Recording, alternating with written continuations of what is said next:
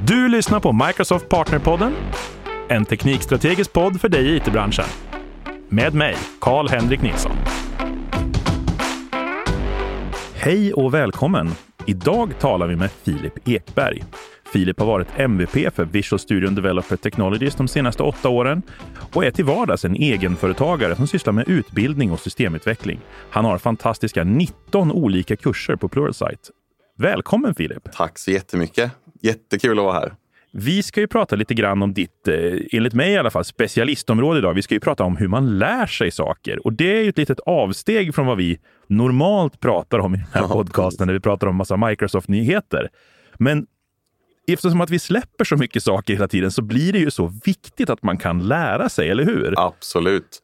Ja, men det är ju en liten konst både att lära ut och att lära sig själv. Så det är något man, eh, man hela tiden behöver jobba på och lära sig nya tekniker och även annat utanför teknikvärlden. Eh, Dels för att hålla igång hjärnan och dels för att det är, eh, man behöver det för att komma vidare och ha något att sträva efter. Jag kan ibland så uppleva att det är svårare att lära sig själv, fram, ja, nästan ju längre man kommer i karriären, för det blir, så det blir ingen som riktigt pushar en åt något håll. Mm. Ja, absolut. Och sen så känner jag väl själv, nu är jag inte jättegammal, men man känner att, som du säger, där, men med åren att man tänker, bör jag redan kanske kunna detta? Är det för sent för mig att lära mig detta? Men eh, det är aldrig för sent att lära sig någonting. Det är aldrig för sent att hoppa på en ny teknik eller, en, eh, eller ett nytt instrument. Det är liksom, det är aldrig för sent. Nej, men precis. Jag håller helt med dig där. Om vi, om vi ska börja grotta i det här på något håll. Liksom. Om, vi, om vi tänker oss, jag tror att det finns väldigt, väldigt mycket systemutvecklare i Sverige som är superduktiga, men som kanske känner att det senaste året eller till och med åren så har man inte utvecklats riktigt bra. Så man, det har inte hänt så jävla mycket.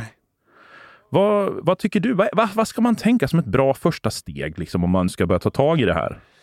Dels så behöver man ju få någon form av feedback eller assistans från sin arbetsgivare. Man behöver få bli pushad av den man jobbar hos att utmanas och att utvecklas. Det måste ju liksom finnas som en del av sin vardag att det finns utrymme för att ta en kurs i ett ämne. Spendera två timmar i veckan eller så mycket du nu får, får tillgång till och försök att titta på någon ny teknik som kanske kan både lösa ett problem som du sitter och jobbar med på jobbet för att göra det enklare eller bara lära dig någonting som inspirerar dig till att göra något nytt. Ja, men precis. Och just det här också, göra någonting nytt. Mm. Jag, jag tror att ibland så tar man för stora växlar också på det här. Mm. För att, att göra något nytt kan ju bara vara att göra ungefär det man jobbar med, fast på ett, på ett lite annorlunda sätt. Titta Ja. på en annat arkitekturmönster. För jag menar, det, det finns ju många olika sätt man kan stoppa data i en databas. Ja, absolut. Och sen är det såklart, det, det kan vara svårt att hitta det här nya som man vill lära sig. Det är inte så att jag som .NET-utvecklare kanske registrerar mig och går på Google I.O. om jag aldrig någonsin tittat på Android-utveckling.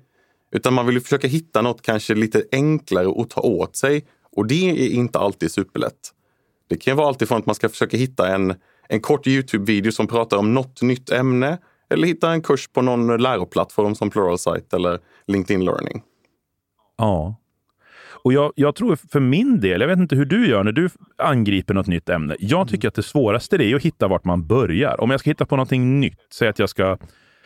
Jag har pratat väldigt mycket om eventdriven arkitektur på slutet här. Mm. Och jag upplever att de som jag pratar med, det svåra för dem det är att hitta, men var börjar jag? Och de har tittat på någon sån här gammal, eh, gammal arkitekt på Youtube som pratar i, i, liksom jättebreda termer. Ja, ja, jättebra, men, men, men alltså, för det, det, det dyker alltid upp problem att ta tag i. Ja, det där med att hitta startpunkten kan bli också rätt eh, överväldigande. För det kan ju bli att man helt plötsligt sitter där och har 20 timmar utbildningsmaterial. Och det i sig gör ju att man inte blir direkt sugen på att lära sig det här nya. Det jag tror man behöver hitta i de fallen är, det jag personligen gör, är att jag antingen letar jag upp en artikel som bara pratar om de stora komponenterna. Så vill jag lära mig eventdriven utveckling då, så kanske jag hittar en artikel som bara pratar om några punkter som jag kanske blir intresserad av. Så kan man hoppa in och djupdyka i några små bitar. Eller så går jag in på Youtube och söker upp någon video som bara pratar om ja, men något, något ämne inom eventdriven utveckling. Bara för att få lite mer att ta på innan man kanske grottar ner sig i en 20 timmars utbildning. Det, det, där är lite intressant, för det där ska jag se som, det kanske där är det sista jag gör. Utan jag mm. tror jag mer att jag går, jag går nog mer in på typ Pluralsight eller LinkedIn Learning och letar efter de här learning pathsen. Mm.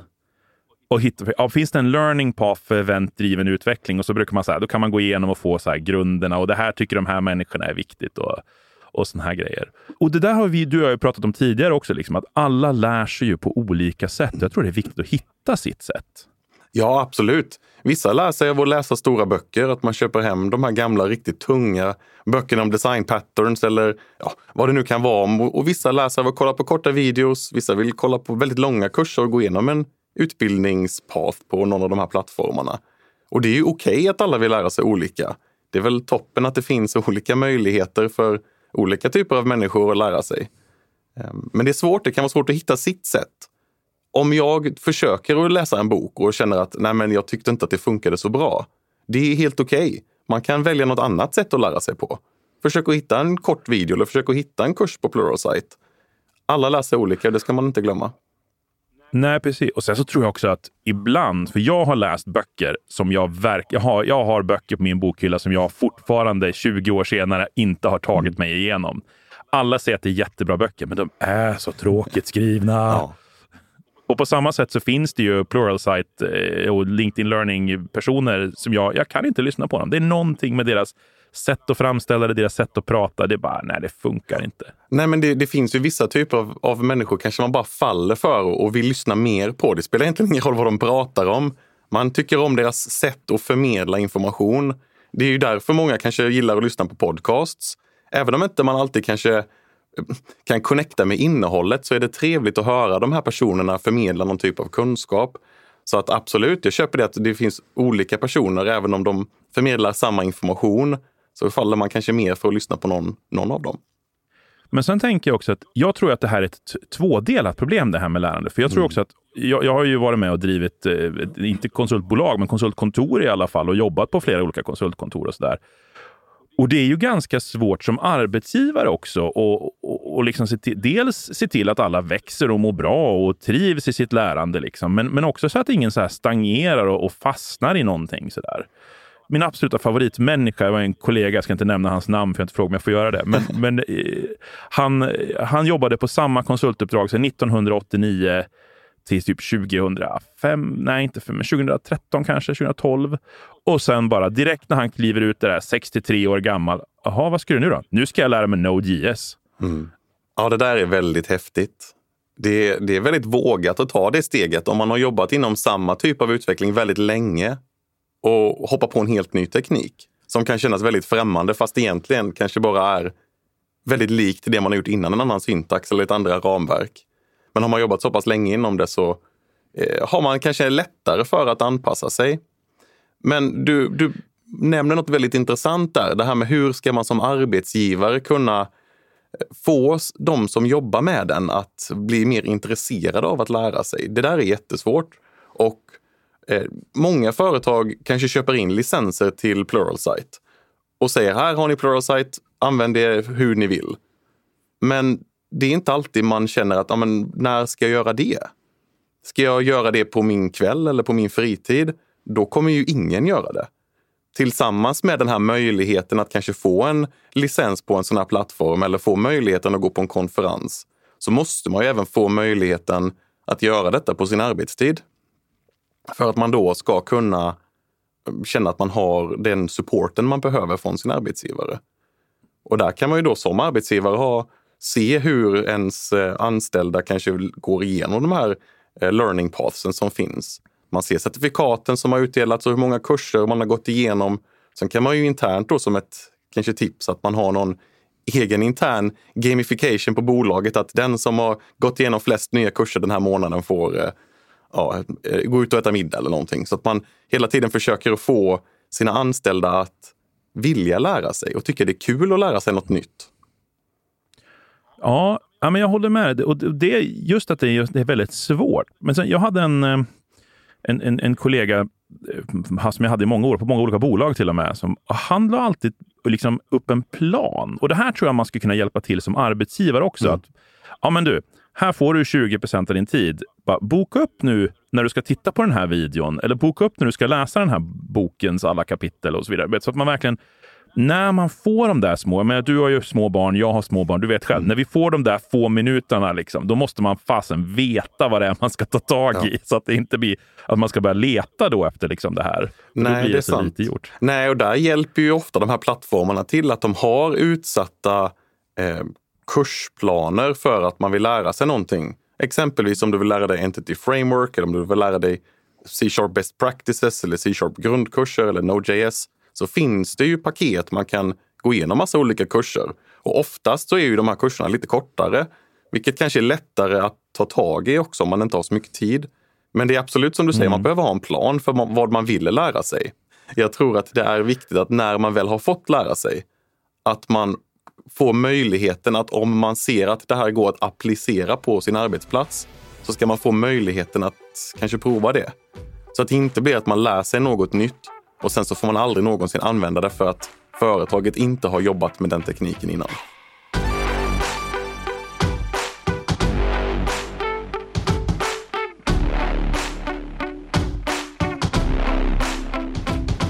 Där har du en jätteviktig poäng egentligen. För att jag tror inte att nästan att det är... Jag, jag är nästan beredd att slänga in en fackla här och säga att det är värdelöst att lära sig någonting som du inte kan applicera ganska snart efter att du har lärt dig det. Yep. För Alltså hjärnan funkar inte så. Då har du glömt det tills du ska ha det igen. Du kanske kommer ihåg liksom små snippets. Liksom. Mm. Ja, absolut, så är det. det. Och det gäller ju egentligen, det är ju inte bara inom systemutveckling, det är ju inom allting. Som jag nämnde till dig en annan gång, att jag har börjat lära mig piano som vuxen. Eh, och det är inte superlätt. Jag kan läsa noterna vad jag ska göra. Jag kan göra en sak med ena handen och göra en sak med andra handen. Men när allting ska göras tillsammans så är det jättesvårt. Och när jag väl har lärt mig det om inte jag övar 10-20 minuter varje dag, då är det helt omöjligt för mig att komma in i det igen efter en vecka. Och samma sak gäller ju egentligen inom systemutveckling. Jag kan läsa hur många kurser som helst om design patterns. Men får jag aldrig applicera det i en kodbas, kommer man ju glömma hur det funkar. Exakt. Och, och, det där tror jag man kan ta med sig egentligen som en strategi också för sitt eget lärande. om man vill bli, För jag tror att jag, man ska bli mer motiverad av mm. det också. Okej, okay, i det här projektet, vad kan jag realistiskt göra? Ja, men jag skulle kunna implementera det här patternet. Mm. Okej, okay, men då är nog design patterns i det här språket som jag jobbar i. För jag menar, om jag jobbar i, i Java och jag ser att liksom, jag kommer att jobba i Java, för jag tycker det är kul att jobba på det här bolaget, jag ska inte byta och så vidare, i de närmsta tre åren. Mm. Då känns det ju konstigt att börja liksom, försöka lära mig Alltså det, är säkert, det finns säkert vettiga anledningar att lära sig Go och så vidare. Jag tycker själv att det är ett mysigt språk, men det, det, blir svårt att bli så här riktigt, riktigt grym på det kontra kanske om du hade tittat på någonting du kan applicera i jobbet. Ja, ja absolut. Eh, men man måste få möjligheten att, att använda det. Även om det kanske inte är att man det kan bli farligt också. Om man, när jag var yngre och lärde mig något nytt så var det ju direkt så att man kände att ah, men det här, nu ska jag skriva om hela världen. Nu ska jag göra allt i det här nya mönstret, i det här nya programspråket. Men jag känner ju att ju äldre jag blir, ju mer förståelse får man för att det funkar ju såklart inte så. Man får hitta de här små guldkornen där det går att applicera den här nya eh, grejen man har lärt sig. Det kanske inte är så att Go löser alla problem, men det finns vissa scenarion där det här skulle vara jättebra. Och det är ju helt okej okay att man har olika tekniker i ett företag. Det är bara att kulturen där man jobbar måste främja det.